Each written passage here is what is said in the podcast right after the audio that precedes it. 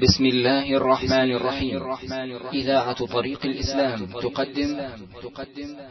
أيها الإخوة هو الشريط الحادي والتسعون من شرح رياض الصالحين.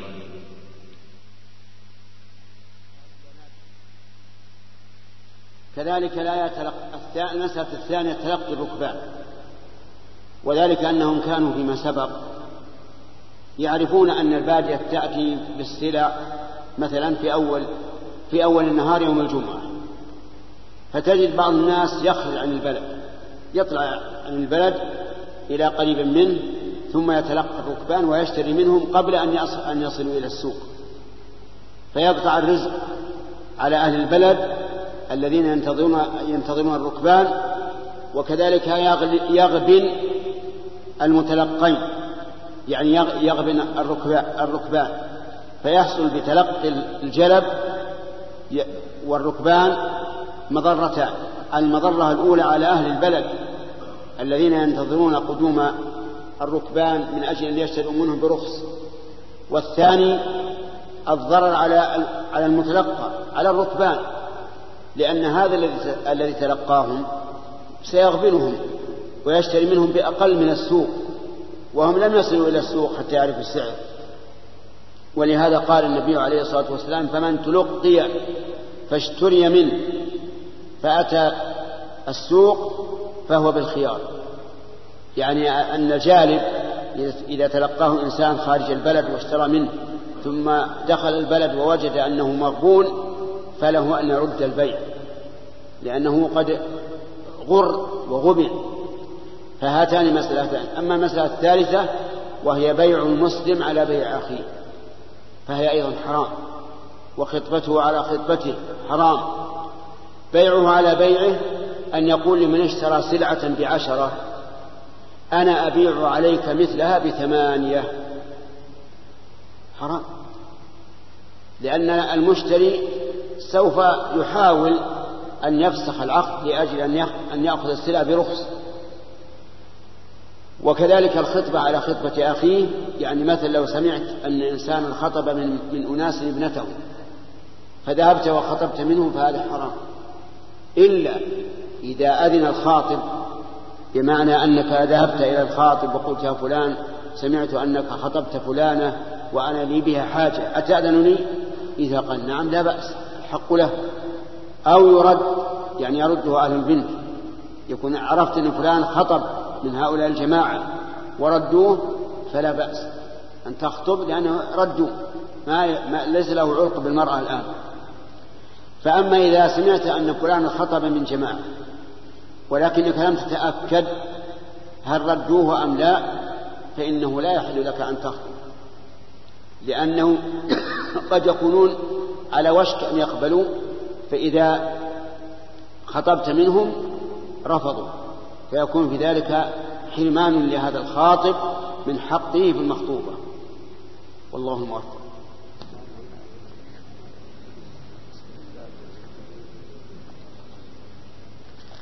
بسم الله الرحمن الرحيم. الحمد لله رب العالمين والصلاة والسلام على نبينا محمد وعلى آله وصحبه أجمعين. قال رحمه الله تعالى باب النهي عن إضاعة المال في غير وجوهه التي أذن الشرع فيها. عن أبي هريرة رضي الله عنه قال قال رسول الله صلى الله عليه وسلم إن الله تعالى يرضى لكم ثلاثا ويكره لكم ثلاثا فيرضى لكم أن تعبدوه ولا تشركوا به شيئا وأن تعتصموا بحبل الله جميعا ولا تفرقوا. ويكره لكم قيل وقال وكثرة السؤال وإضاعة المال رواه مسلم. وعن وراد كاتب المغيرة قال أملى علي المغيرة بن شعبة في كتاب إلى معاوية رضي الله عنه أن النبي صلى الله عليه وسلم كان يقول في دبر كل صلاة مكتوبة لا إله إلا الله وحده لا شريك له له الملك وله الحمد وهو على كل شيء قدير. اللهم لا مانع لما أعطيت ولا معطي لما منعت ولا ينفع ذا الجد منك الجد. وكتب إليه أنه كان ينهى عن قيل وقال وإضاعة المال وكثرة السؤال وكان ينهى عن عقوق الأمهات ووأد البنات ومنع وهات. متفق عليه.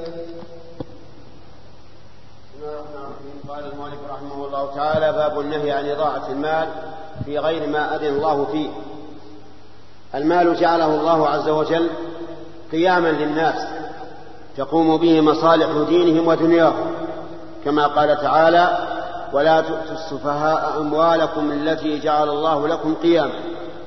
ولهذا حرم الاعتداء عليه. وقال النبي عليه الصلاة والسلام إن دماءكم وأموالكم وأعراضكم حرام عليكم.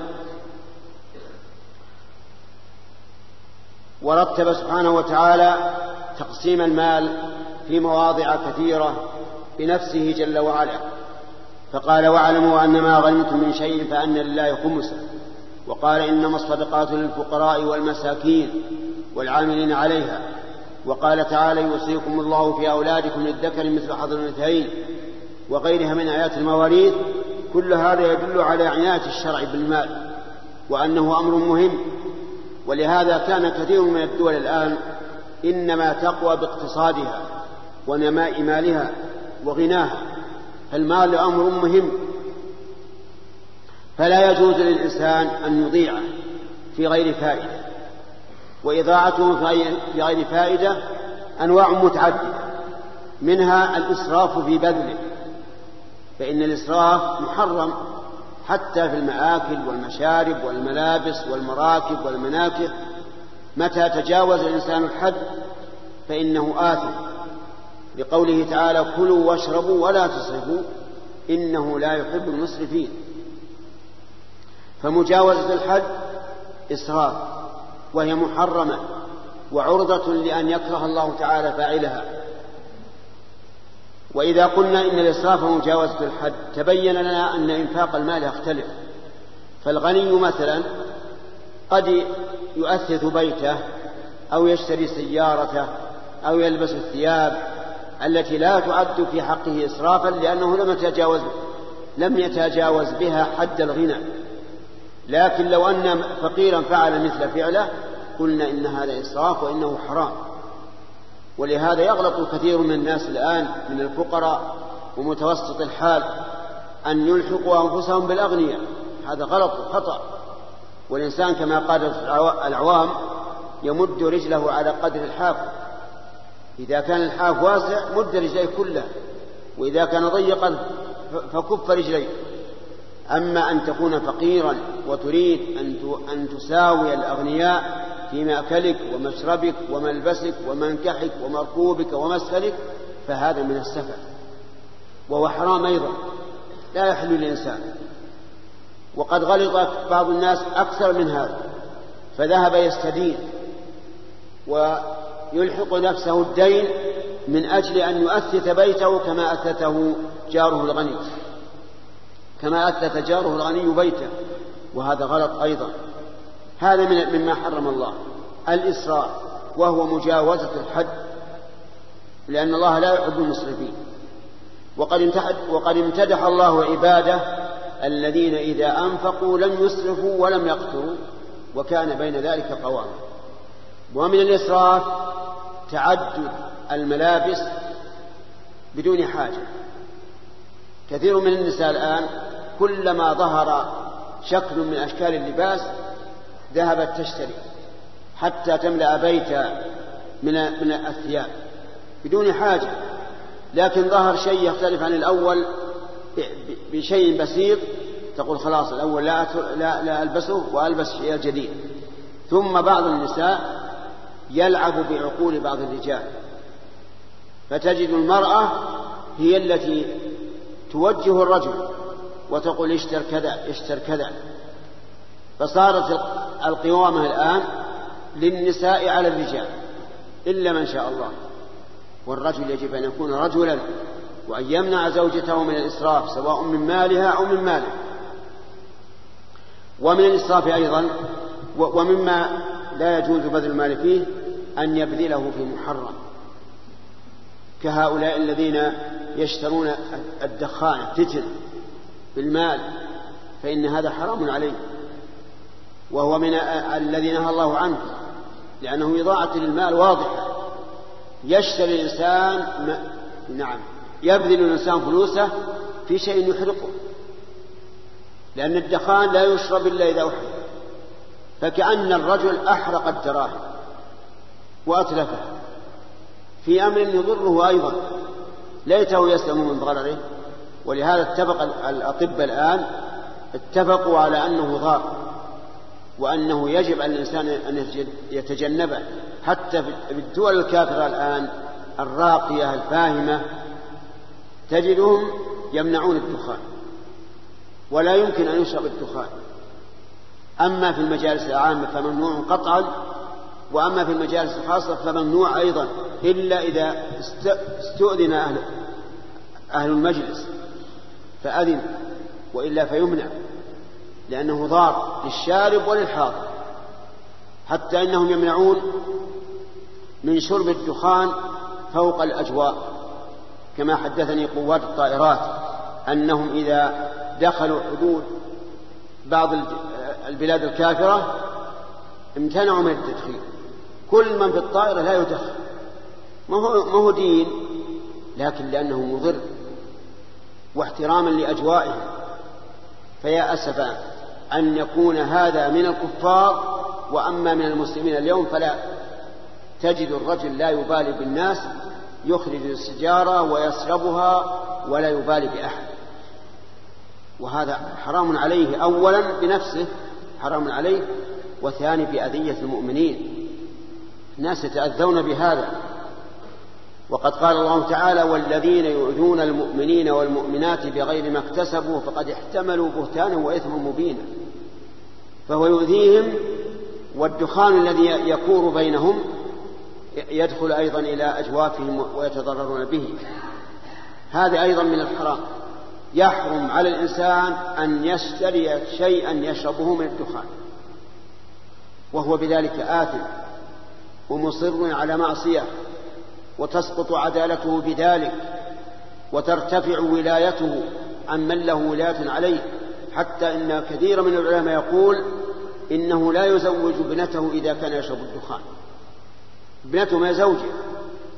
ليش؟ لأنه خرج عن العدالة إلى الفسق والفاسق لا ولاية له. فالمسألة خطيرة. من إضاعة المال أيضا أن يصرفه الإنسان في شيء لا فائدة منه. بألعاب وما أشبه ذلك ومن هذا الألعاب النارية.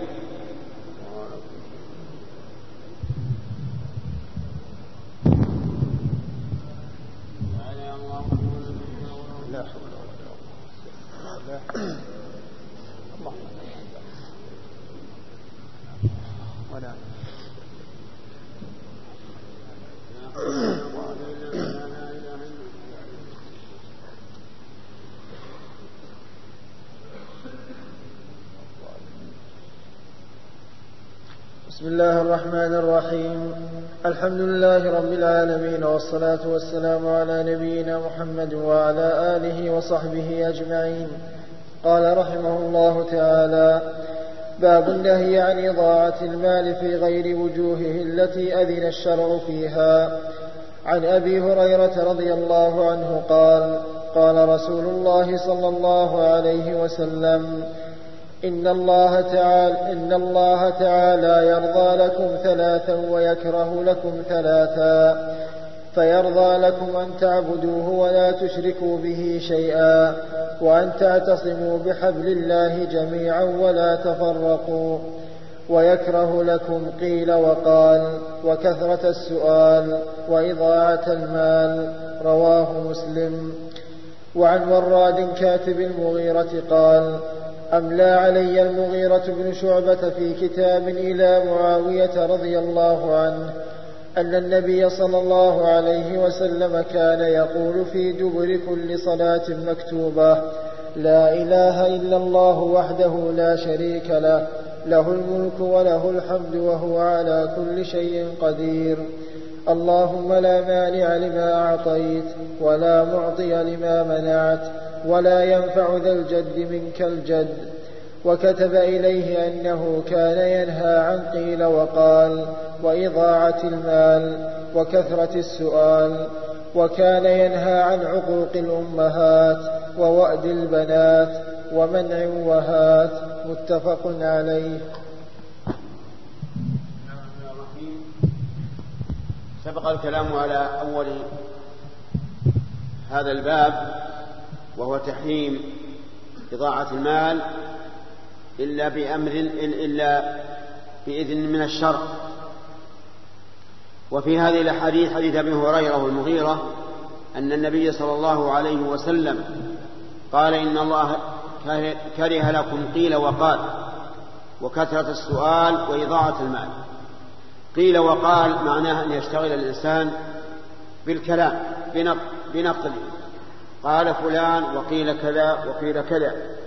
كما يوجد في كثير من المفلسين الآن الذين يأمرون مجالسهم بقولهم ماذا قيل اليوم وقال فلان وماذا تقول في فلان وما أشبه ذلك. من الكلام الذي يضيع به الوقت والشرع حكيم كما نهى عن إضاعة المال الذي الذي هو الذي جعله الله قياما للناس نهى عن إضاعة الوقت أيضا. فإضاعة الوقت قيل وقال وكثرة السؤال هذا لا شك أنه أشد ضررا على الإنسان من, من إضاعة المال. إضاعة المال ربما يخلف لكن إضاعة الوقت لا يمكن أن تخلف. الوقت يذهب ولا يرجع. لهذا يجب على الإنسان أن يتجنب الخوض.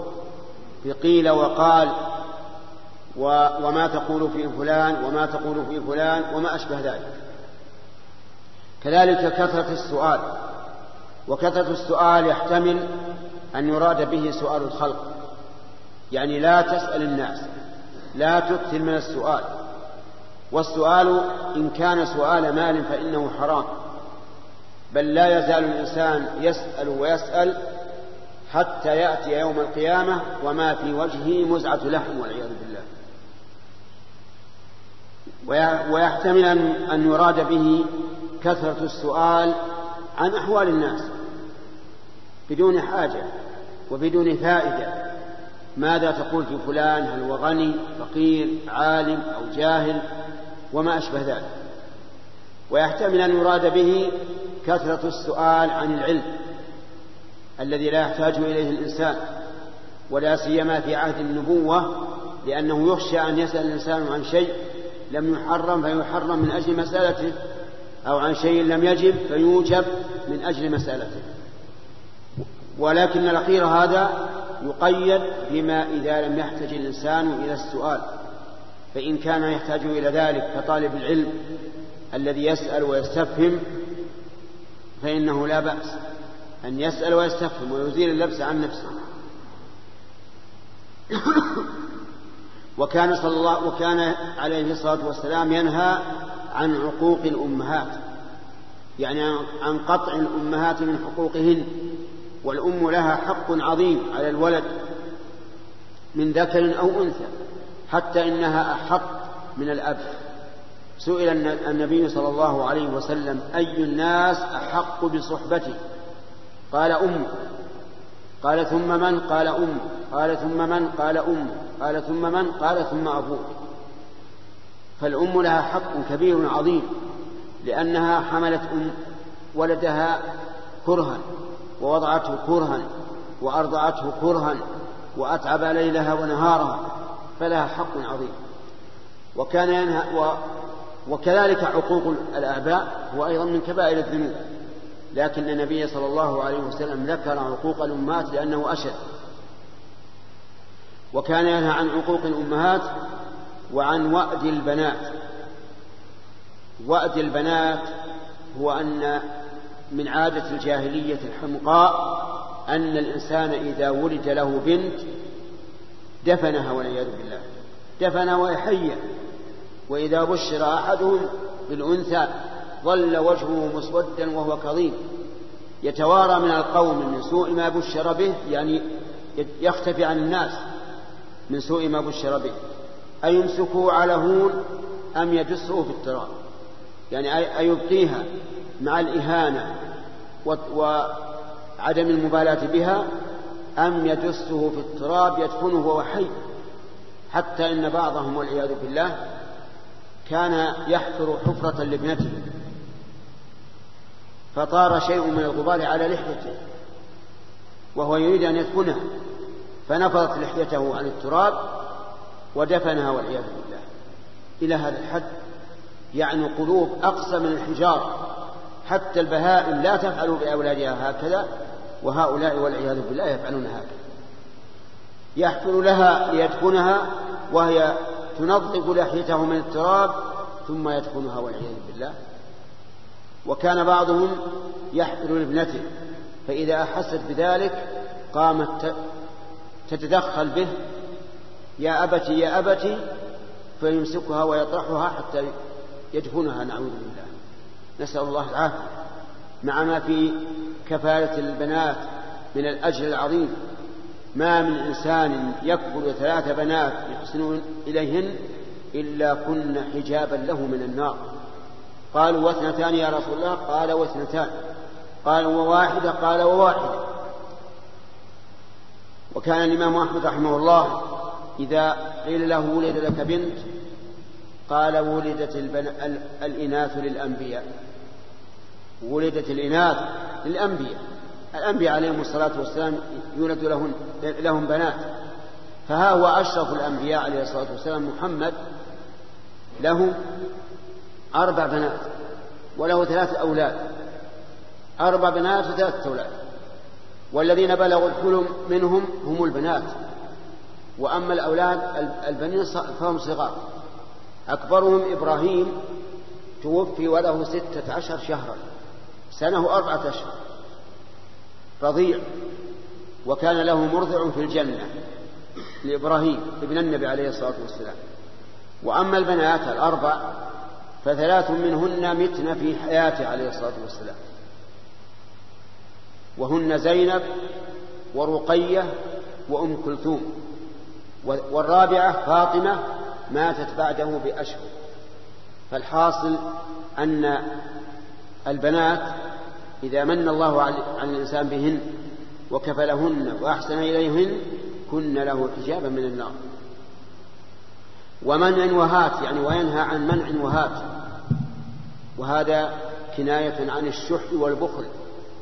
منع يعني يمنع ولا يعطي ولا يجد بالمال ولا بالنفس وهات يطلب فهو والعياذ بالله بخيل شحيح لا يشفع ولا ينفع. والله موفق. بسم الله الرحمن الرحيم. الحمد لله رب العالمين والصلاة والسلام على نبينا محمد وعلى آله وصحبه أجمعين. قال رحمه الله تعالى باب النهي عن الإشارة إلى مسلم بسلاح ونحوه سواء كان جادا أو مازحا والنهي عن تعاطي السيف مسلولا.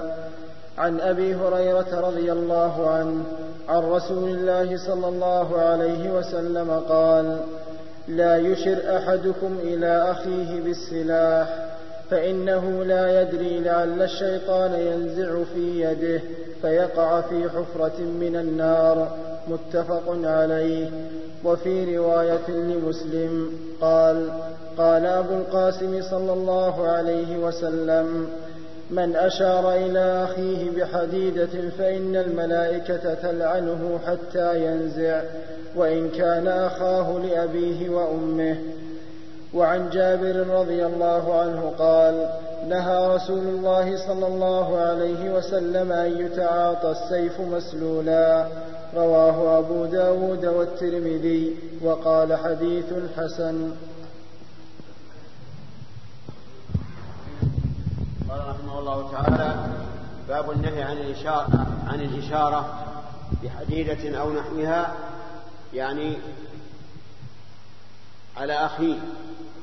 سواء جادا أو هازلا. والنهي عن تعاطي السيف مسلولا.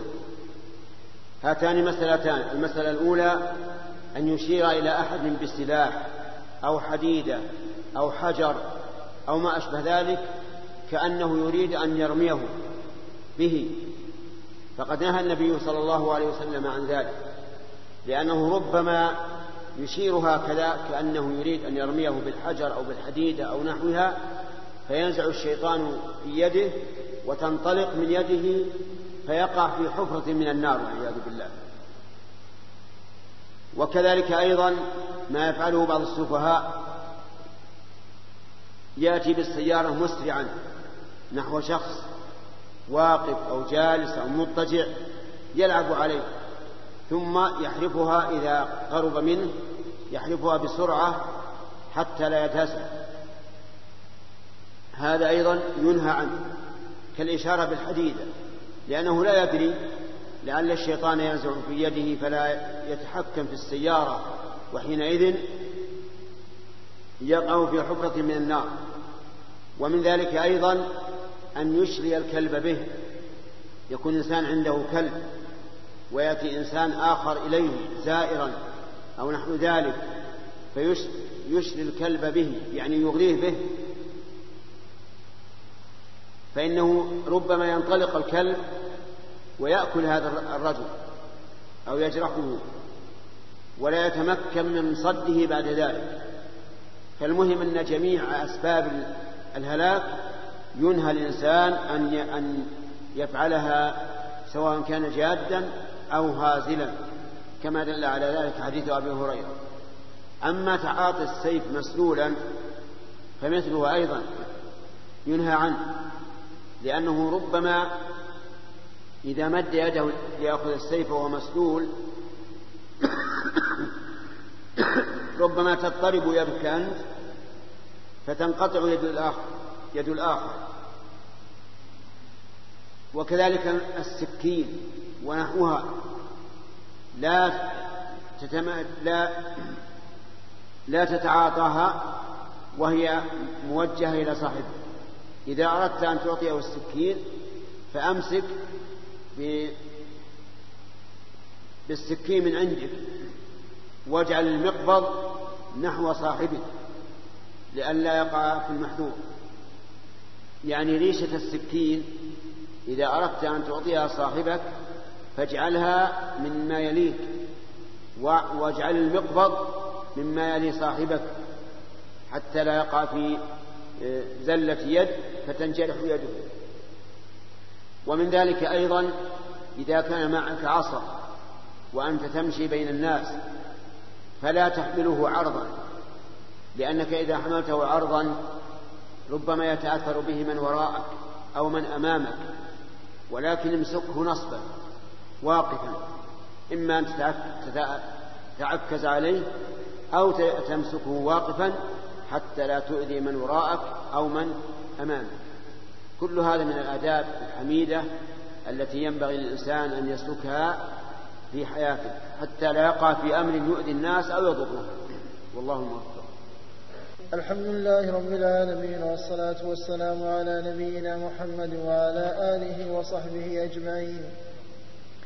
قال رحمه الله تعالى باب كراهة الخروج من المسجد بعد الأذان إلا لعذر حتى يصلي المكتوبة عن أبي الشعثاء قال كنا قعودا مع أبي هريرة رضي الله عنه في المسجد فأذن المؤذن فقام رجل من المسجد يمشي فأتبعه أبو هريرة بصره حتى خرج من المسجد فقال أبو هريرة أما هذا فقد عصى أبا القاسم صلى الله عليه وسلم.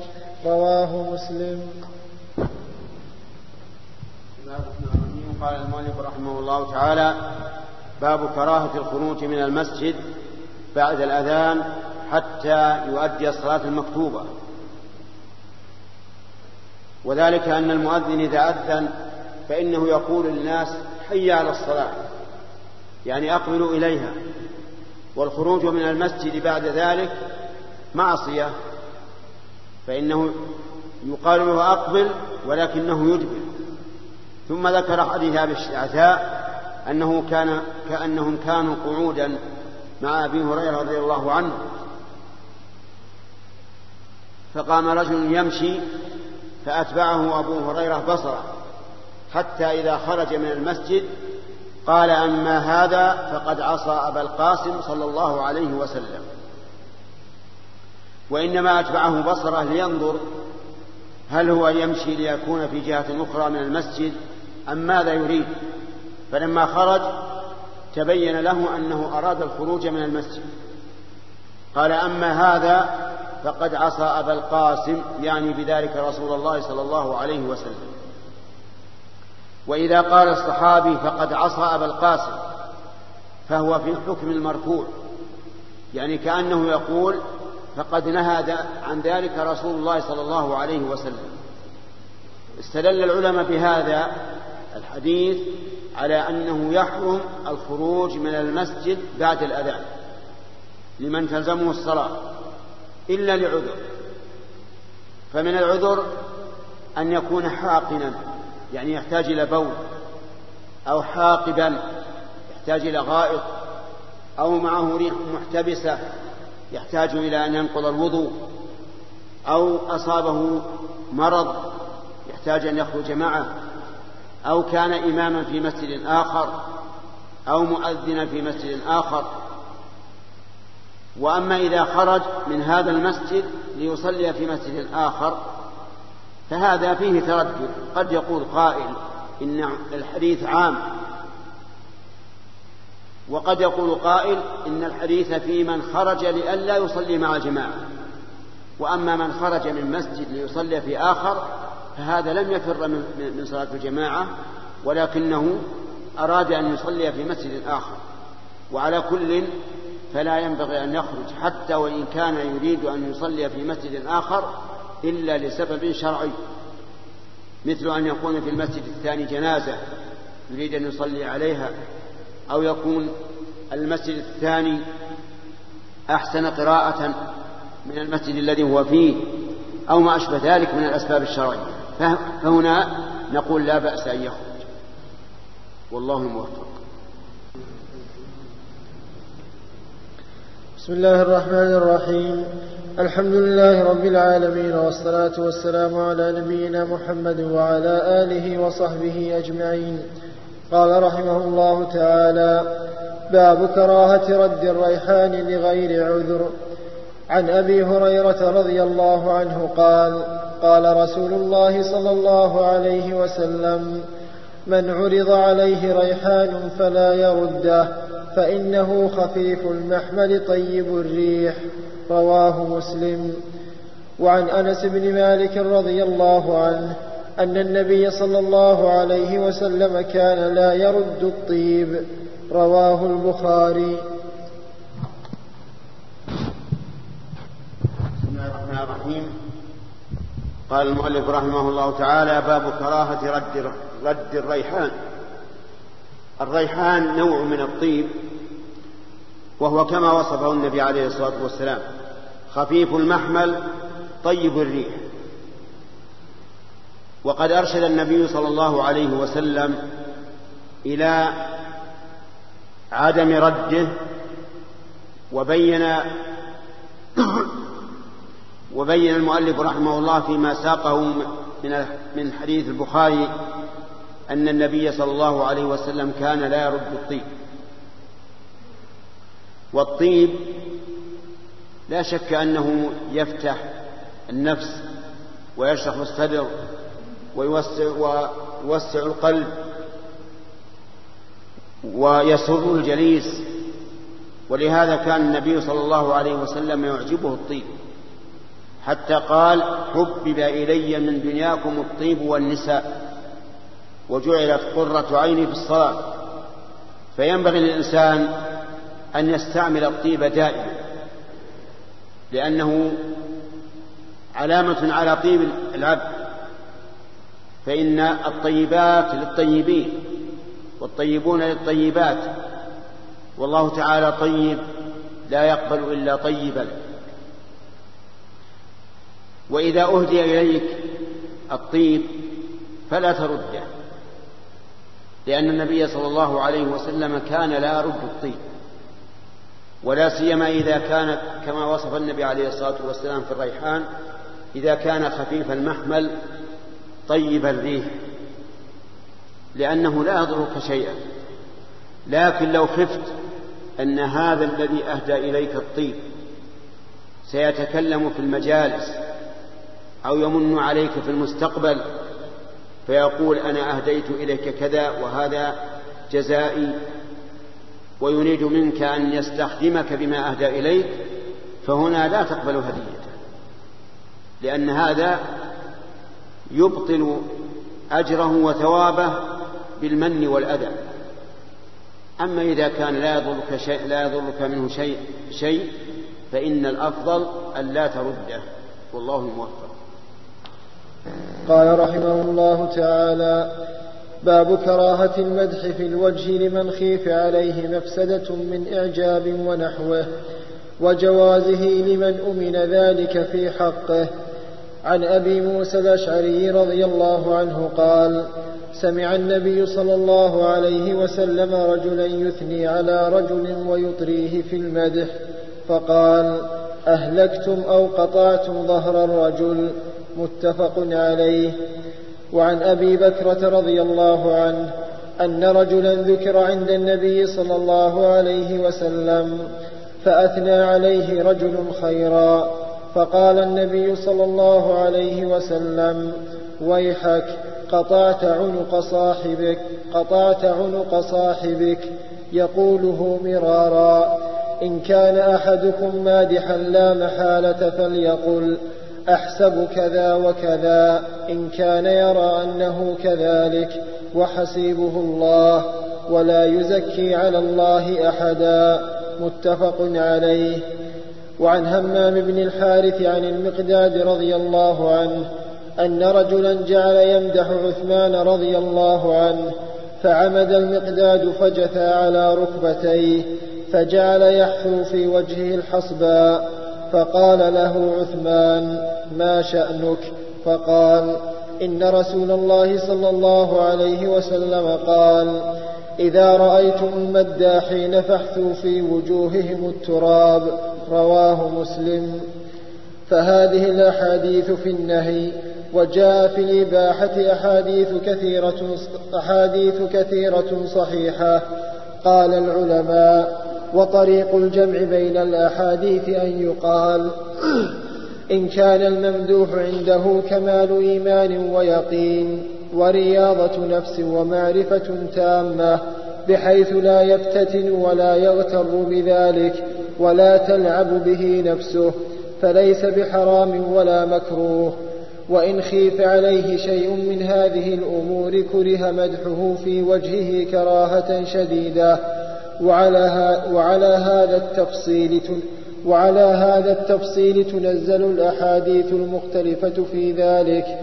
ومما جاء في الإباحة قوله صلى الله عليه وسلم لأبي بكر رضي الله عنه أرجو أن تكون منهم أي من الذين يدعون من جميع أبواب الجنة لدخولها.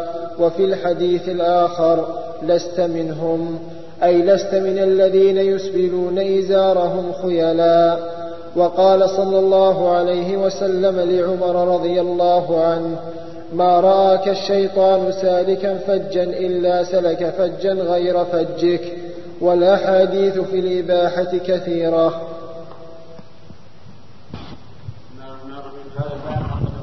رحمه الله في كتابه رياض الصالحين لبيان مدح الإنسان. هل ينبغي للإنسان أن يمدح أخاه بما هو فيه أو لا؟ وهذا له أحوال. الحال الأولى أن يكون في مدحه خير وتشجيع له على الأوصاف الحميدة والأخلاق الفاضلة فهذا لا بأس به. لأنه تشجيع تشجيع لصاحبه.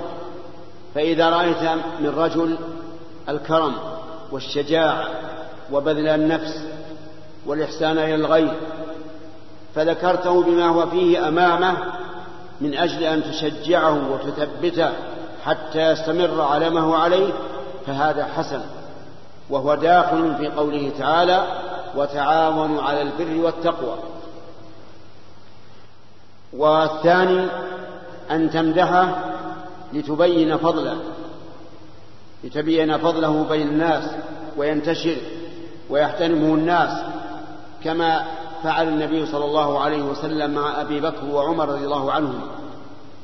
أما أبو بكر فإن النبي صلى الله عليه وسلم تحدث ذات يوم وقال من أصبح منكم صائما فقال أبو بكر أنا فقال من تبع منكم جنازة فقال أبو بكر أنا فقال من عاد اليوم مريضا فقال أبو بكر أنا وذكر أشياء فقال النبي صلى الله عليه وسلم ما اجتمعنا في امرئ إلا دخل الجنة.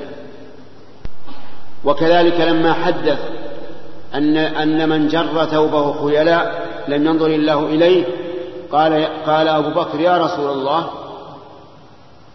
إن أحد شقي إزاري يسترخي علي إلا أن أتعاهده فقال إنك لست ممن يصنع ذلك خيلاء. وقال لعمر إن الشيطان ما سلكت فجا إلا سلك فجا غير فج. يعني إذا سلكت طريقا فإن الشيطان يهرب منه ويذهب إلى طريق آخر. كل هذا لبيان فضل أبي بكر وعمر رضي الله عنهما. هذا لا بأس به. الثالث أن يمدح غيره ويغلو في إطرائه ويصبه بما لا يستحق. فهذا محرم وهو كذب وخداع مثل أن يذكر رجلا أميرا أو وزيرا أو ما أشبه ذلك ويطريه ويصفه بما ليس فيه من الصفات الحميدة فهذا حرام عليه. وهو أيضا ضرر على الممدوح. الرابع أن يمدحه بما هو فيه لكن يخشى أن الإنسان الممدوح يغتر بنفسه ويزهو بنفسه ويترفع على غيره فهذا أيضا محرم. لا يجوز. وذكر المؤلف أحاديث في ذلك أن أن رجلا ذكر عند النبي صلى الله عليه وسلم آخر فأثنى عليه فقال ويحك قطعت عنق صاحبك. يعني معناه كأنك ذبحته. بسبب مدحك إياه لأن ذلك يوجب أن هذا الممدوح يترفع ويتعالى. وقد أمر النبي صلى الله عليه وسلم أن أن يحثى التراب في وجوه المداحين. يعني إذا كان هذا الإنسان معروف ما جلس مجلسا أمام أحد له جاه وشرف إلا امتدحه هذا مداح. والمداح غير المادح المادح هو الذي يسمع منه مرة بعد أخرى لكن المداح كلما جلس عند إنسان كبير أمير أو قاضي أو عالم أو ما أشبه ذلك قام يمدح. هذا حقه أن يحثى في وجه التراب لأن رجلا امتدح عثمان رضي الله عنه فقام المقداد وأخذ الحصبة ونفضها في وجه المداح. فسأله عثمان لماذا صنع ذلك قال إن النبي صلى الله عليه وسلم قال إذا رأيتم المداحين فاحثوا في وجوههم التراب. وعلى كل حال فالذي ينبغي للإنسان أن لا يتكلم إلا بخير لأن النبي صلى الله عليه وسلم قال من كان يؤمن بالله واليوم الآخر فليقل خيرا أو ليصمت. والله موفق. إي نعم. هؤلاء أخطأوا. هؤلاء أخطأوا واتبعوا المتشابه. والإنسان اللي يتبع المتشابه هو ممن كان في قلبه زيغ والعياذ بالله. أبو بكر رضي الله عنه ما نزل ثوبه قصدا. يقول يسترخي علي إلا أن اتعهد وأيضا أبو بكر شهد له النبي صلى الله عليه وسلم بالبراءة. فهل هؤلاء يشهد لهم أحد بالبراءة؟ بسم الله الرحمن الرحيم. الحمد لله رب العالمين والصلاة والسلام على نبينا محمد وعلى آله وصحبه أجمعين. قال رحمه الله تعالى باب كراهية الخروج من بلد وقع فيه البلاء فرارا منه وكراهة القدوم عليه. قال الله تعالى أينما تكونوا يدرككم الموت ولو كنتم في بروج مشيدة وقال تعالى ولا تلقوا بأيديكم إلى التهلكة. عن ابن عباس رضي الله عنهما أن عمر بن الخطاب رضي الله عنه خرج إلى الشام حتى إذا كان بسرغ لقيه أمراء الأجناد. أبو عبيدة بن الجراح وأصحابه فأخبروه أن الوباء قد وقع بالشام. قال ابن عباس فقال لي عمر ادع لي المهاجرين الأولين. فدعوتهم فاستشارهم وأخبرهم أن الوباء قد وقع بالشام فاختلفوا. فقال بعضهم خرجت لأمر ولا نرى أن ترجع عنه. وقال بعضهم معك بقية الناس وأصحاب رسول الله صلى الله عليه وسلم. ولا نرى أن تقدمهم على هذا الوباء. فقال ارتفعوا عني. ثم قال ادع لي الأنصار. فدعوتهم فاستشارهم فسلكوا سبيل المهاجرين واختلفوا كاختلافهم. فقال ارتفعوا عني. ثم قال ادع لي من كان هاهنا من مشيخة قريش من مهاجرة الفتح. فدعوتهم فلم يختلف عليه منهم رجلان فقالوا نرى أن ترجع بالناس ولا تقدمهم على هذا الوباء. فنادى عمر رضي الله عنه في الناس إني مصبح على ظهر فأصبحوا عليه. فقال أبو عبيدة بن الجراح رضي الله عنه أفرارا من قدر الله؟ فقال عمر رضي الله عنه لو غيرك قالها يا أبا عبيدة وكان عمر يكره خلافه. نعم نفر من قدر الله إلى قدر الله. أرأيت لو كان لك إبل فهبطت واديا له عدوتان. إحداهما خصبة والأخرى جدبة. أليس إن رعيت الخصبة رعيتها بقدر الله؟ وإن رعيت الجدبة رعيتها بقدر الله؟ قال فجاء عبد الرحمن بن عوف رضي الله عنه وكان متغيبا في بعض حاجته فقال إن عندي من هذا علما. سمعت رسول الله صلى الله عليه وسلم يقول إذا سمعتم به بأرض فلا تقدموا عليه وإذا وقع بأرض وأنتم بها فلا تخرجوا فرارا منه. فحمد الله تعالى عمر رضي الله عنه وانصرف. متفق عليه. وعن أسامة بن زيد رضي الله عنه عن النبي صلى الله عليه وسلم قال إذا سمعتم الطاعون بأرض فلا تدخلوها وإذا وقع بأرض وأنتم فيها فلا تخرجوا منها. متفق عليه. هذا الباب باب عظيم عقده المؤلف رحمه الله تعالى في كتاب رياض الصالحين وهو كراهة أن يقدم الإنسان على أرض نزل فيها البلاء وأن يخرج منها بعد نزول البلاء فرارا منه. يعني إذا سمعت ببلاء بوباء وباء نازل في أرض فلا تقدم عليه.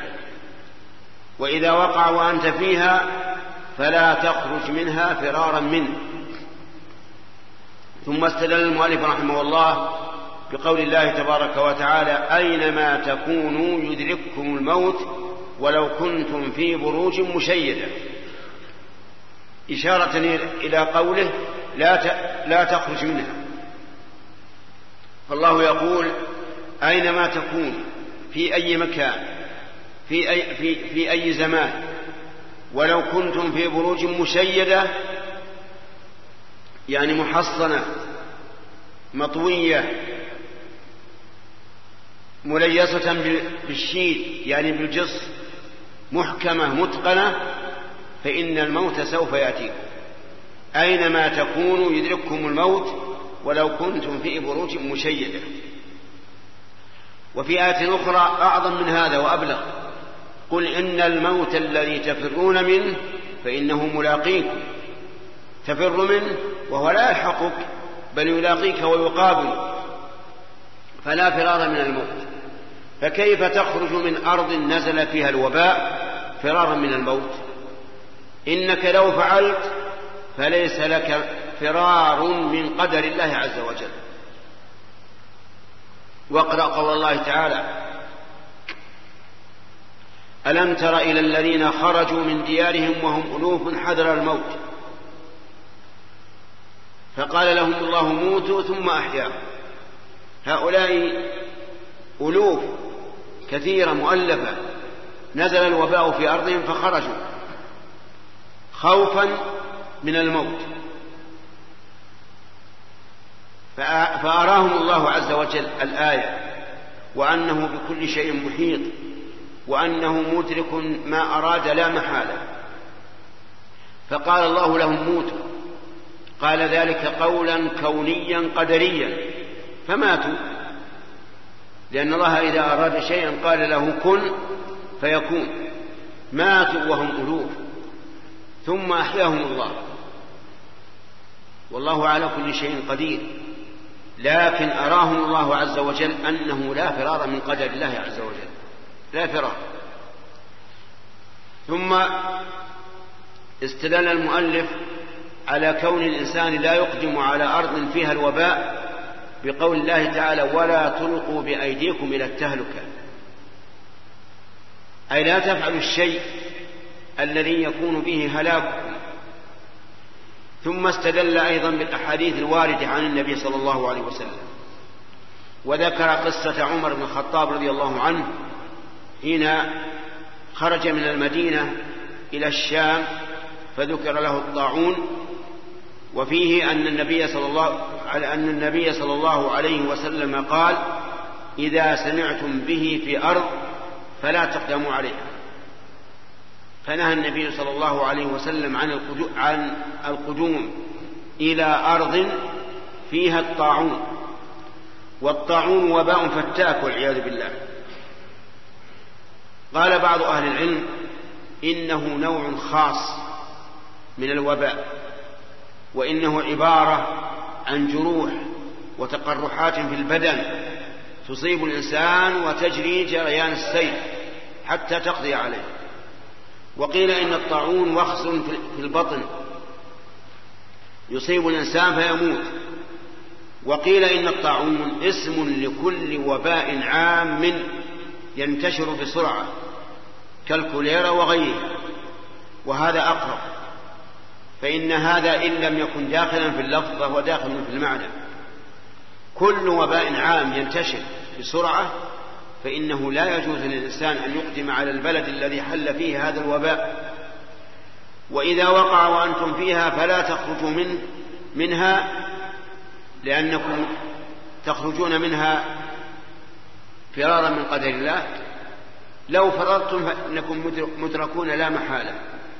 ولهذا قال لا تخرجوا منها فرارا منه. أما لو خرج الإنسان منها لا فرارا منه ولكن لأنه أتى إلى هذا البلد لحاجة ثم انقضت حاجته وأراد أن يرجع إلى بلده فلا بأس. ويأتي إن شاء الله الكلام على قصة عمر بن الخطاب رضي الله عنه وما فيها من الفوائد والفقه إن شاء الله تعالى. والله أعلم.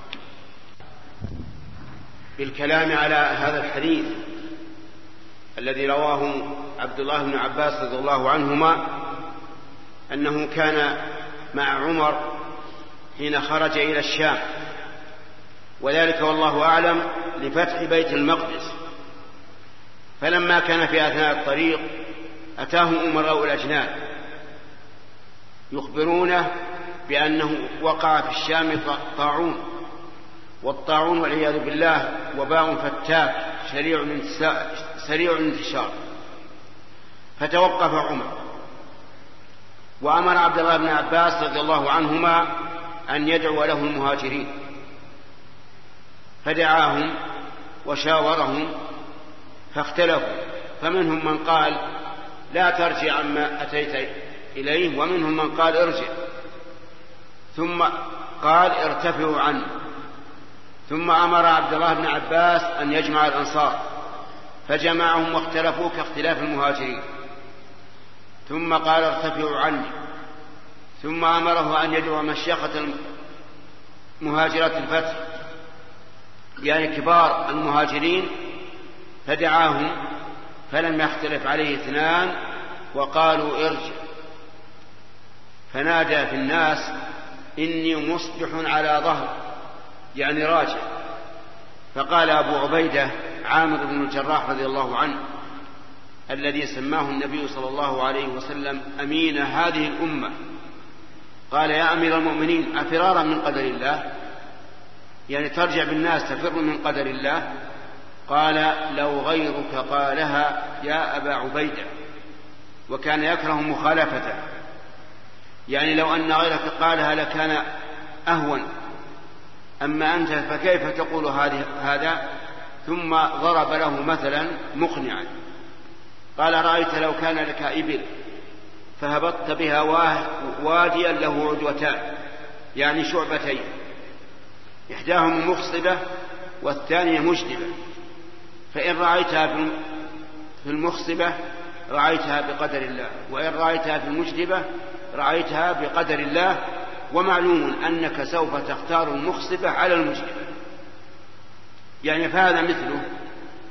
فبينما هم كذلك إذ جاء عبد الرحمن بن عوف رضي الله عنه وكان قد تغيب في حاجة له فقال إن عندي من ذلك علما يعني عن النبي صلى الله عليه وسلم.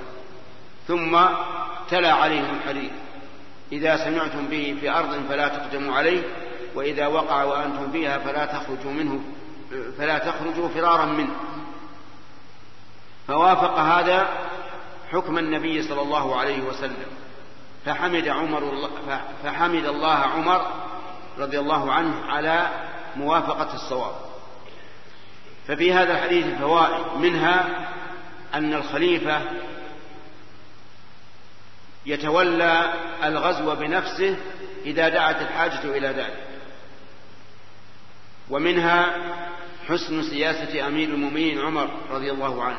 فإنه على ما عنده من الدين والعلم والعقل وإصابة الصواب لم يبت في هذا الأمر إلا بعد المشاورة والمراجعة.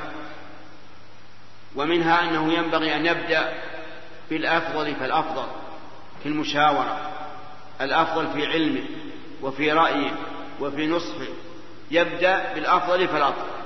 فإذا أشير عليه انتهى الموضوع. ما حاجة أن يأتي بالآخرين. وإلا أتى بالآخرين الذين دونهم ومنها أن المشاورة من سمات المسلمين من سمات المؤمنين كما قال الله تبارك وتعالى وأمرهم شورى بينهم. فينبغي لمن والله الله أمرا وتردد في شيء من الأشياء ولم يتبين له الصواب أن يشاور غيره من ذوي العقل والدين والتجربة. وكذلك إذا كان الأمر عاما يعم الناس كلهم فإنه ينبغي أن يشاور حتى يصدر عن رأي الجميع. ومنها أنه يجوز للواحد من الرعية أن يراجع الإمام لكن بحضرته. لأن أبا عبيدة راجع عمر بن الخطاب رضي الله عنه لكن بحضرته.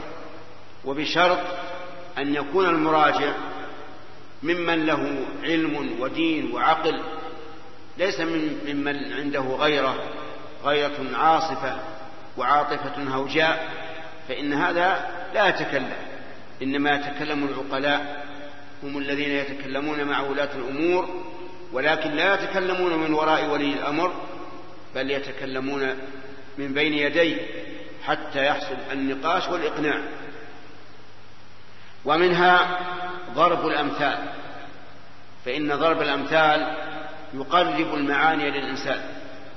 وذلك أن عمر رضي الله عنه ضرب مثلا لأبي عبيدة إنسان هبط واديا ومعه إبل وله شعبتان إحداهما مخصبة فيها الأشجار فيها الحشيش وفيها كل شيء ينفع الإبل والثانية مجدبة بيضاء.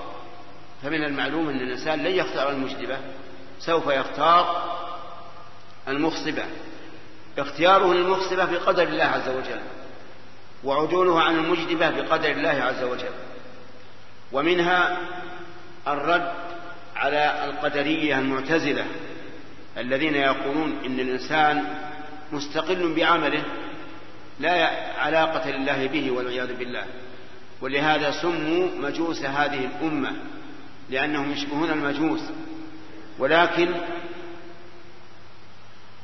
ولكن الإنسان يفعل الفعل بقدر الله عز وجل ومنها أنه قد يخفى العلم الشرعي على كبراء الناس ويعلمه من دونه فإنه لا شك أن عمر بن الخطاب رضي الله عنه أعلم بكثير من عبد الرحمن بن عوف وكذلك كثير من معه عندهم من العلم ما ليس عند عبد الرحمن بن عوف لكن قد يكون عند الصغير من العلم ما ليس عند الكبير كما حصل هذا.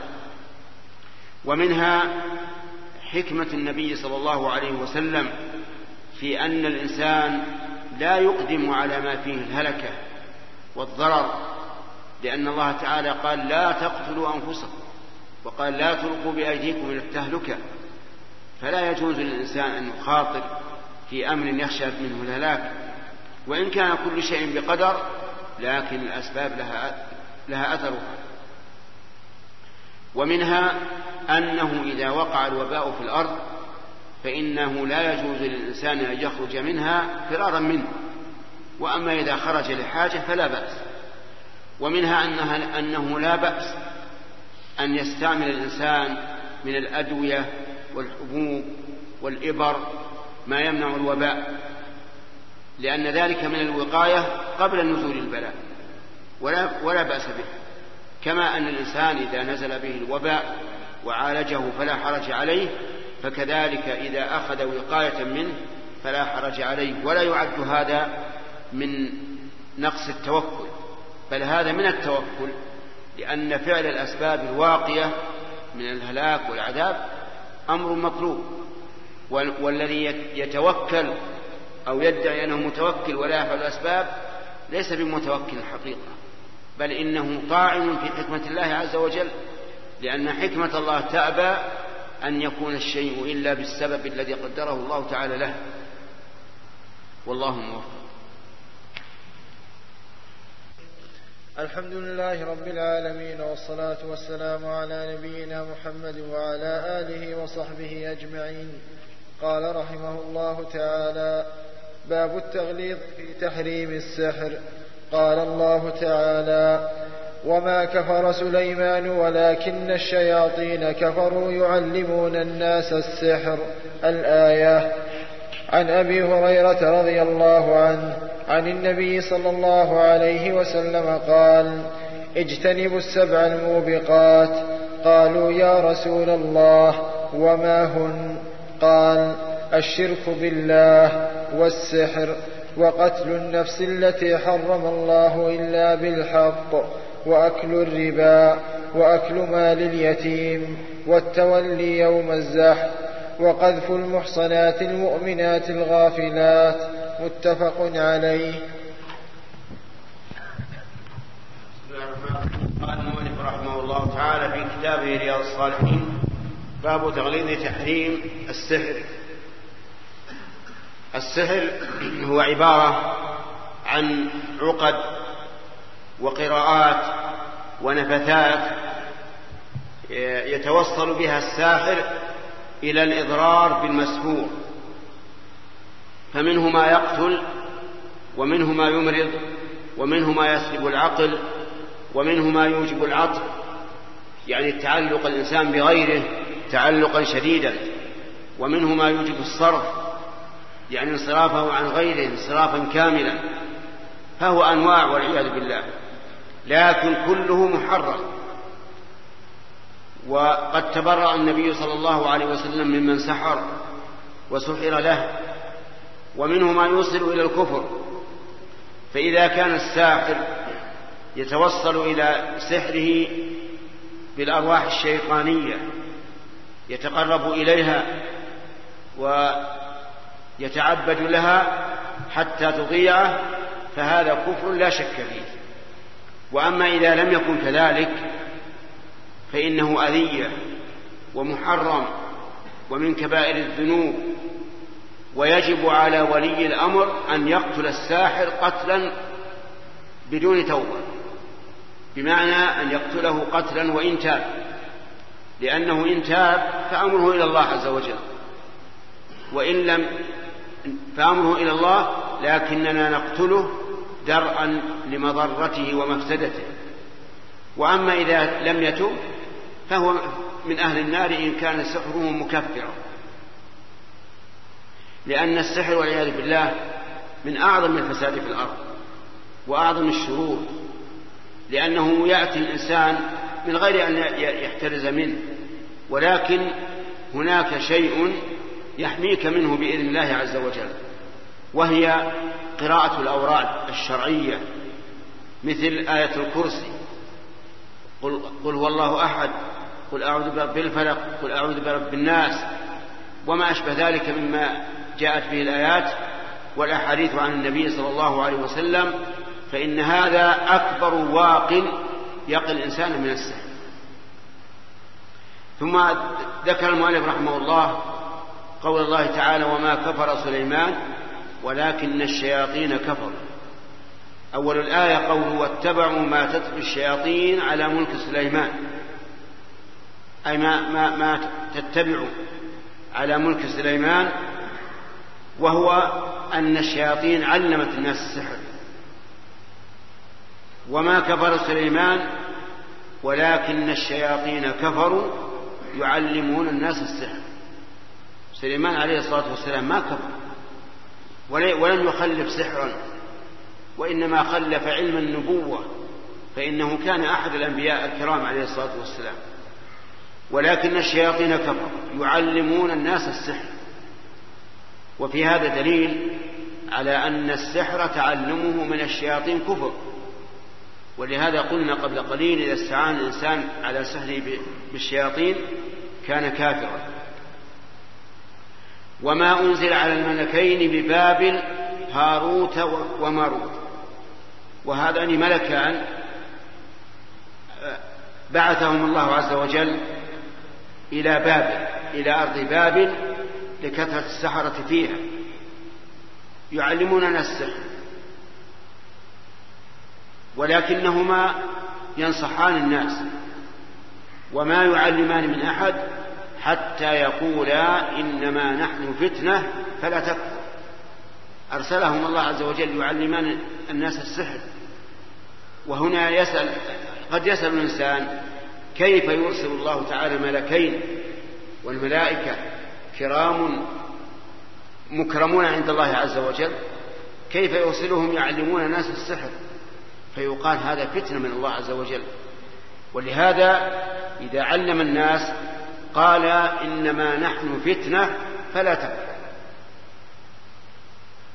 ينصحون للناس لكن الله عز وجل ابتلى الناس بهذا فجعلوا يتعلمون من الملكين يتعلمون منهما ما يسمى بالعطف والصرف وهو من أشد أنواع السحر يتعلمون منهما ما يفرقون به بين المرء وزوجه. يأتي الساحر والعياذ بالله إلى رجل قد حسنت حال بينه وبين أهله وطابت لهم الحياة فيفرق بين الرجل وزوجته والعياذ بالله.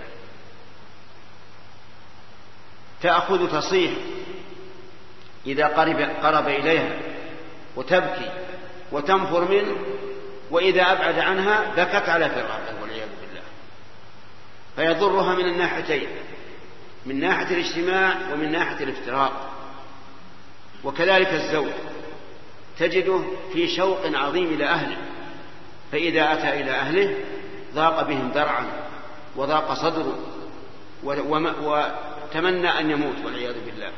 هذا من السحر العظيم. قال الله تعالى وما هم بضارين به من أحد إلا بإذن الله. سبحان الله العظيم. من بيده ملكوت السماوات والأرض؟ الله عز وجل. هؤلاء السحرة والشياطين مهما اجتمعوا على أمر يريدون أن يضروك به والله تعالى لا يضرك فإنهم لن يضروك.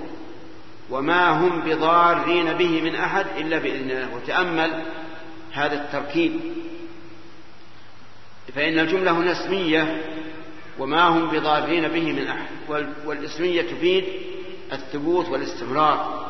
ثم إن النفي مؤكد بالباء وما هم بضارين به من أحد إلا بإذن الله. يعني لا يمكن أبدا أن يضروا أحدا بسحرهم إلا بإذن الله. إذا أذن الله عز وجل بذلك قدرا فالله على على كل شيء قدير.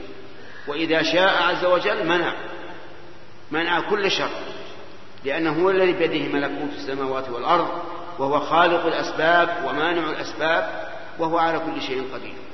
وما هم بضارين به من أحد إلا بإذن الله ويتعلمون أي هؤلاء الناس الذين أرسل إليهم الملكان يتعلمون ما يضرهم ولا ينفعهم. يعني ما فيه الضرر المحض الذي لا نفع فيه إطلاقا. ولهذا قال ما يضرهم ولا ينفعهم. هو ضرر محض في الدين والدنيا والعاقبة الوخيمة. وكذلك الظلم الذي يحصل على المسحور فإنه سوف يقضى له بحقه يوم القيامة. لن يهمله الله عز وجل. ولقد علموا لمن اشتراه ما له في الآخرة من خلاق أكد الله هذه الجملة بالقسم واللام وقد أي لقد علم هؤلاء الذين يتعلمون السحر أن الذي يتعلم ما له في الآخرة من خلاق علموا من أين؟ من قول الملكين إنما نحن فتنة فلا تكفر. قد علموا وبان لهم الأمر لكنهم والعياذ بالله اختاروا ذلك. ولهذا قال لمن اشتراه والشراء إنما يكون عن رغبة وطمع في المبيع ولهذا سمى الله تعالى تعلمه اشتراء ما له في الآخرة من خلاق أي ما له نصيب في الآخرة. وليس أحد من الناس لا نصيب له في الآخرة على وجه الإطلاق إلا الكافر. المؤمن له نصيب في الآخرة إما أن يدخل الجنة بلا حساب وإما أن يعذب على قدر ذنوبه ثم يكون مآله الجنة. لكن الكافر ليس له في الآخرة من خلاق أي من نصيب. ولبئس ما شروا به أنفسهم. شروا هنا بمعنى باعوا يعني أن الله ذم هذا الذي اختاروه وباعوا أنفسهم من أجله لو كانوا يعلمون أي لو كانوا من ذوي العلم لعلموا أن هذا شر محض والخلاصة أن أن السحر من كبائر الذنوب.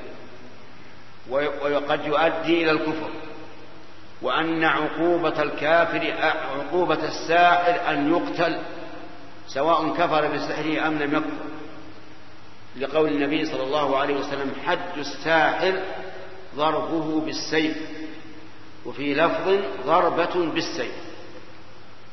نسأل الله تعالى أن يقي المسلمين شرهم وأن يرد كيدهم في نحورهم وأن يعيننا وإياكم على تعلم الأوراد الشرعية التي يحتمي بها المرء من أعدائه من الشياطين والإنس.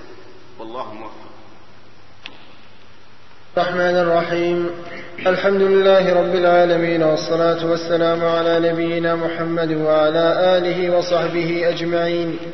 نقل المؤلف رحمه الله تعالى في باب التغليظ في تحريم السحر عن أبي هريرة رضي الله عنه عن النبي صلى الله عليه وسلم قال اجتنبوا السبع الموبقات.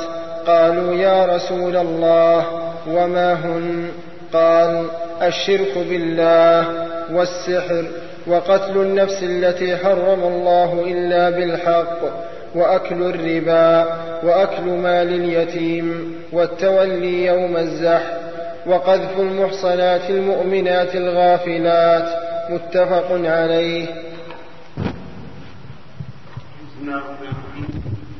تقدم الكلام على أول هذا الحديث وعلى قوله وقتل النفس التي حرم الله إلا بالحق.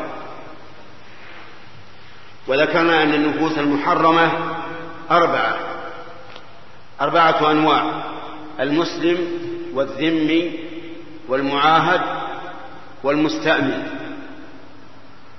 وأنه لا يجوز قتل واحد منهم إلا بحق.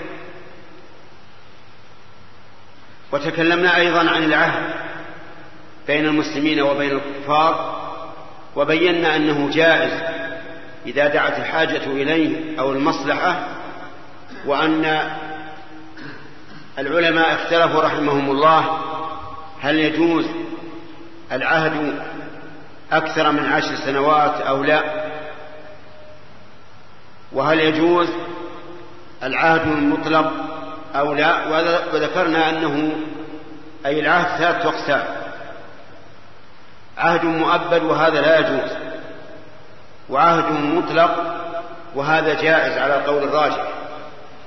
وعهد مؤقت وهذا جائز ثم اختلف القائلون به هل يجوز أن يزيد على عشر سنوات أو لا والصحيح أنه جائز لأنه للحاجة ثم قال وأكل الربا. أكل الربا أيضا من الموبقات. قال شيخ الإسلام ابن تيمية رحمه الله وقد ورد من الوعيد على أكل الربا ما لم يرد مثله على أي ذنب سوى الشرك فهو عظيم والعياذ بالله. حتى إن الله قال في كتابه يا أيها الذين آمنوا اتقوا الله وذروا ما بقي من الربا إن كنتم مؤمنين. فإن لم تفعلوا فأذنوا بحرب من الله ورسوله. وإن تبتم فلكم رؤوس أموالكم لا تظلمون ولا تظلمون. فبين الله عز وجل أنه إذا إذا لم يترك الإنسان الربا فإنه معلن الحرب على الله ورسوله. فأذنوا بحرب من الله ورسوله. وأنه إذا تاب فإنه يحرم عليه أن يأخذ أكثر من ماله. فلكم رؤوس أموالكم. لا تظلمون ولا تظلمون. وقد استحسن بعض الناس بعقولهم استحسانا مخالفا لشرع الله عز وجل.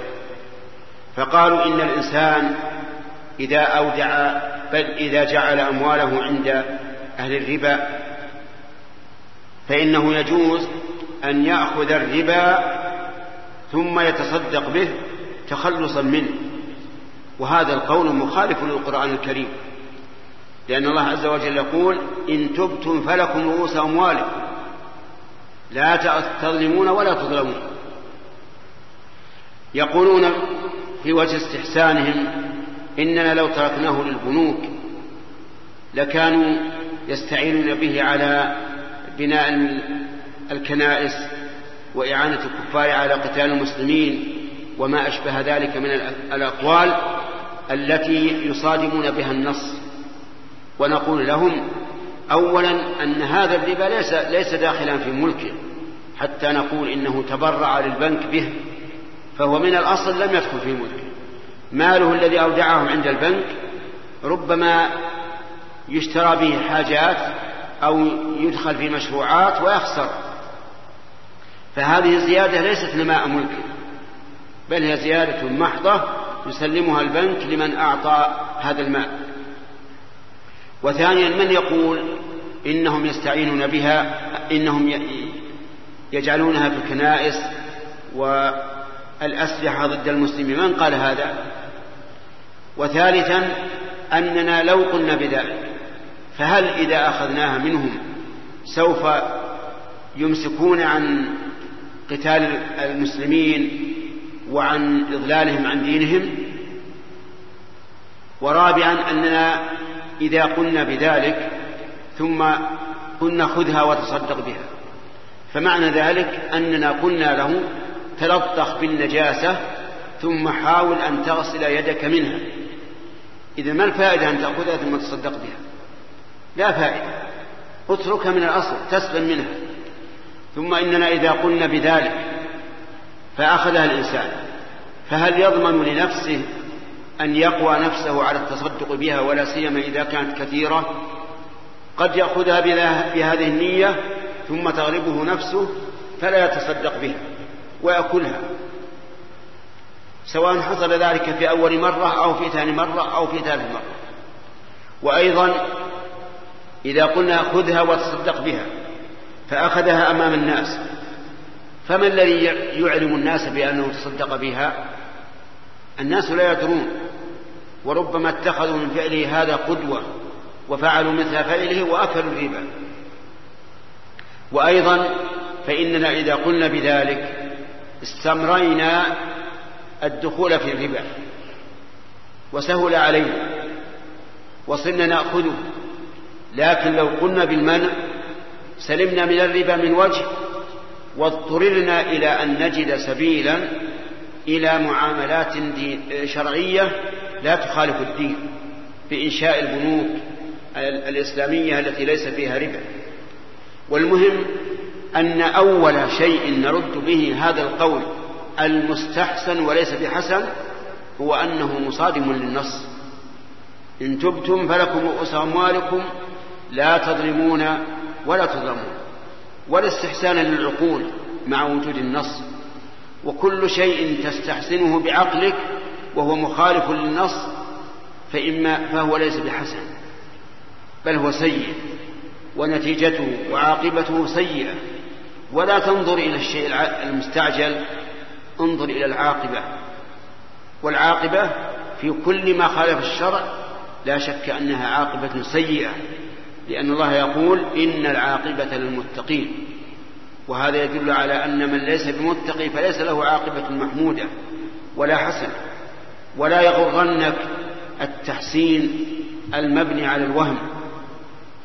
عليك بكتاب الله وسنة رسوله صلى الله عليه وسلم ولا تتجاوزهما إن شئت البركة والخير وأن ينمو جسمك على طاعة الله عز وجل.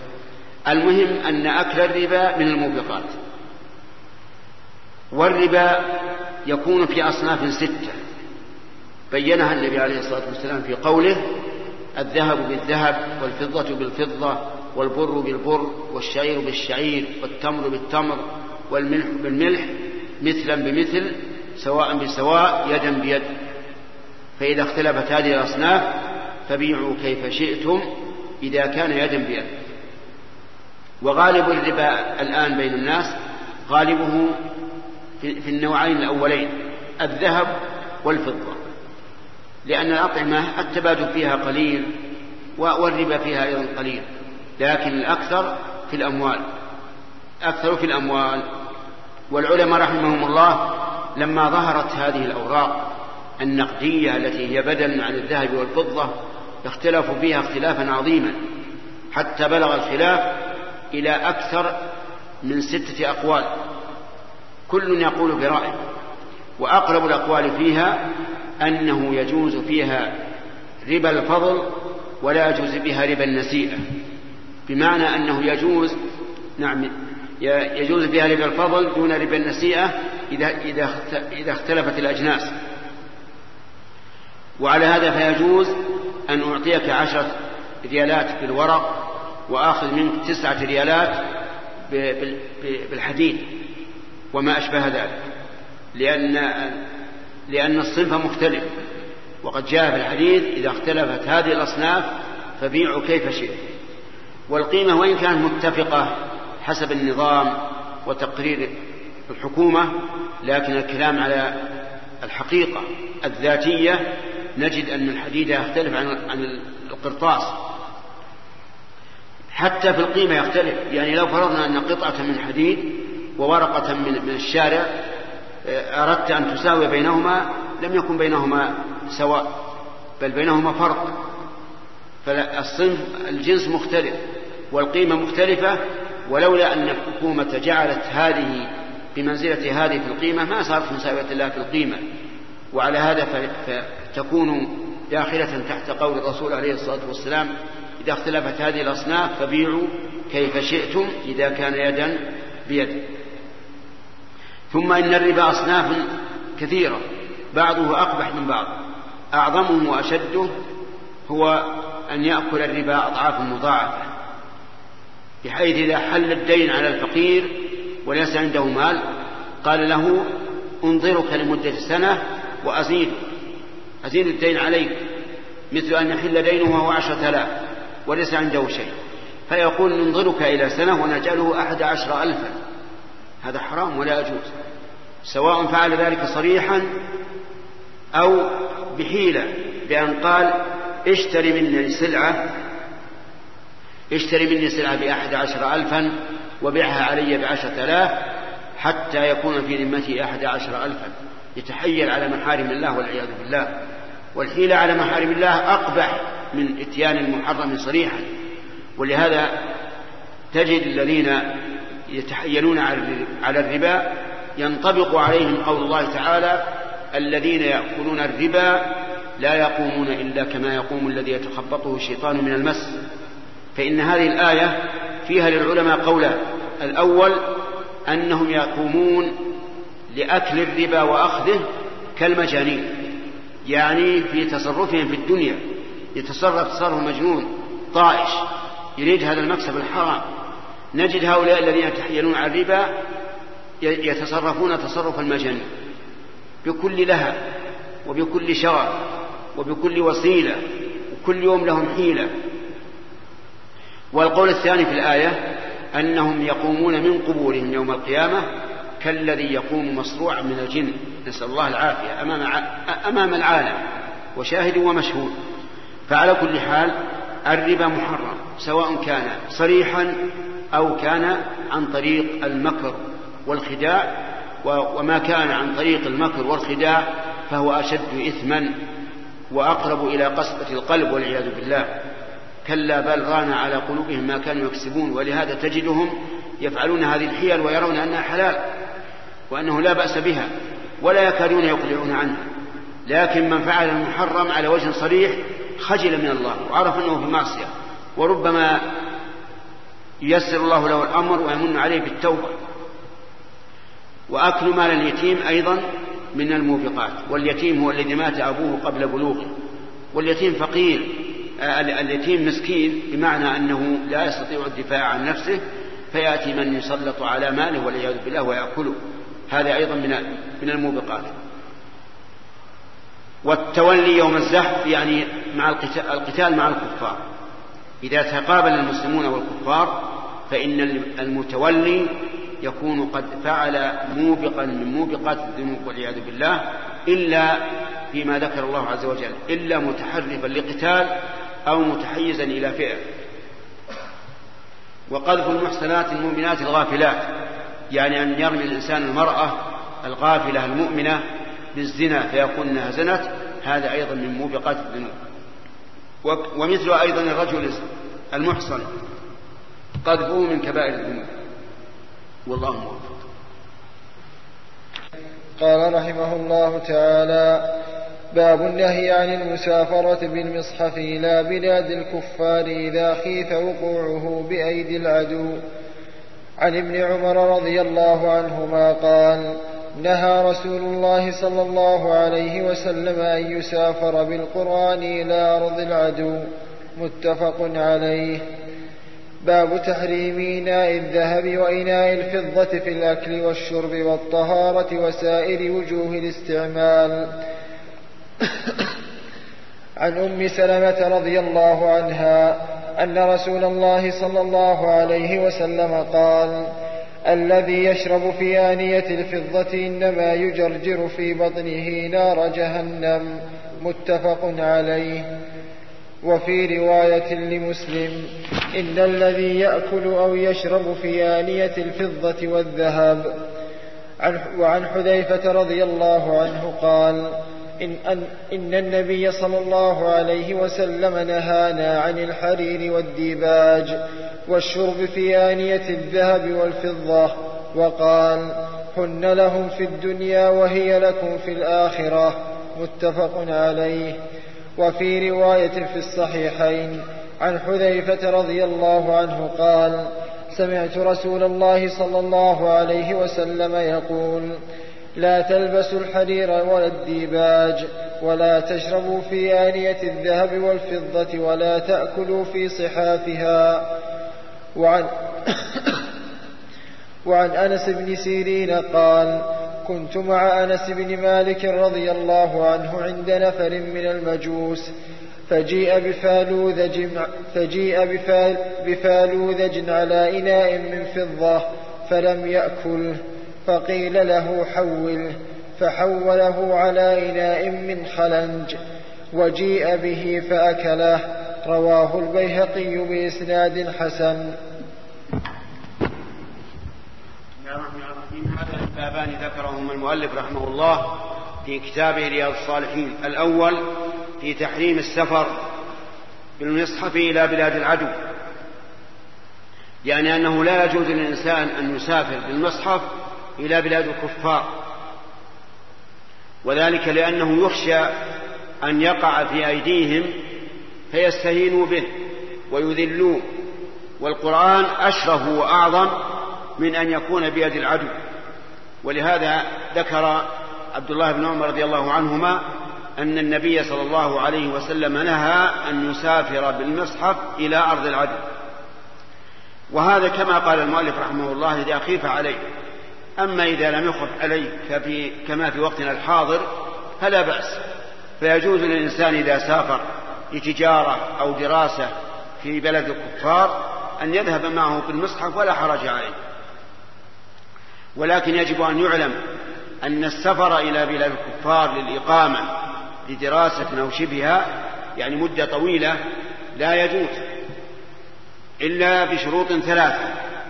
الشرط الأول أن يكون عند الإنسان علم يدفع به الشبهات وذلك لأن الكفار أعداء يريدون أن يصدوا الناس عن دين الله فإذا قدم إليهم الشاب الساذج الذي ليس عنده علم أوردوا عليه من الشبهات والشكوك ما يخرجه عن دينه من حيث لا يشعر فمن ليس عنده علم يدفع به الشبهات فإنه لا يحل له أن يذهب إلى بلاد الكفار. مهما كان الأمر. اللهم إلا للضرورة القصوى كالعلاج. يكون معه من يصاحبه ويقي الناس من شر. يقيه من شر الناس. الشرط الثاني أن يكون عنده دين يحميه عن الشبهات. وذلك لأن بلاد الكفر بلاد كفر. ليس فيها مانع. ليس فيها مانع. لا من وازع ديني ولا من رادع سلطاني. الناس أحرار كما يقولون وهم أحرار في الهوى لكنهم عبيد للهوى في الواقع. فإذا لم يكن عنده دين يحميه عن الشهوات فإنه يهلك. لأنه سيجد النساء العاريات الكاسيات العاريات ويجد الخمور ويجد الشرور فإذا لم يكن عنده دين سقط في الهاوية. الشرط الثالث أن يكون هناك ضرورة بأن, لا ي... بأن, يسا... بأن يسافر لعلم لا يوجد في بلده ويحتاج إليه أو يحتاج الناس إليه فهذا لا بأس به. فإذا تمت الشروط الثلاثة جاز للإنسان أن يسافر إلى أرض العدو وإلا فإنه لا يحل له. هذا إذا كان سيقيم مدة أما رجل سيذهب لتجارة ويشتري ويرجع فهذا أهون. أما الباب الثاني فهو الأكل والشرب في آنية الذهب والفضة. الذهب والفضة كلاهما معدن مما خلقه الله عز وجل في الأرض وخلقه لنا كما قال تعالى هو الذي خلق لكم ما في الأرض جميعا. فلنا أن ننتفع به بالذهب والفضة على ما أردنا. إلا ما جاء الشرع بتحريمه والنبي صلى الله عليه وسلم نهى عن الأكل والشرب في آنية الذهب والفضة. وأخبر أنها للكفار في الدنيا ولنا في الآخرة.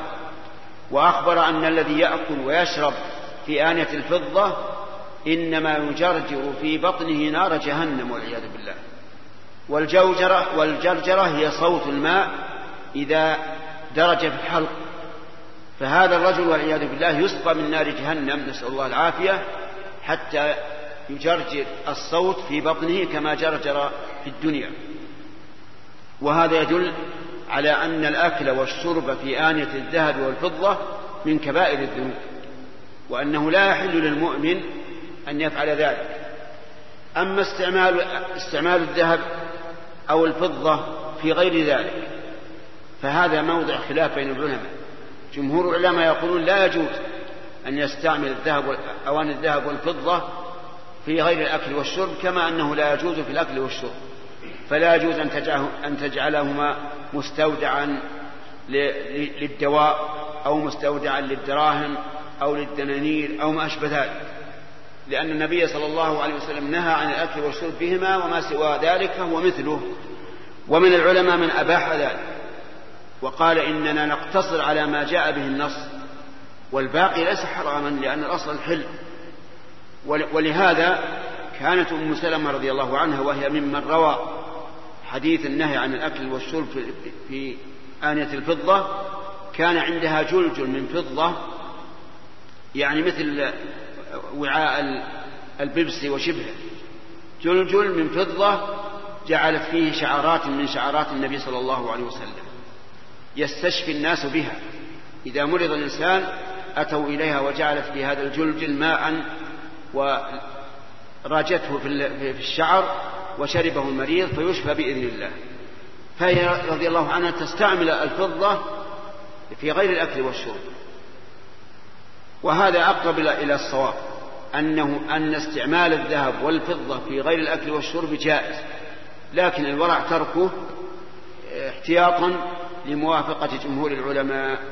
والله موفق.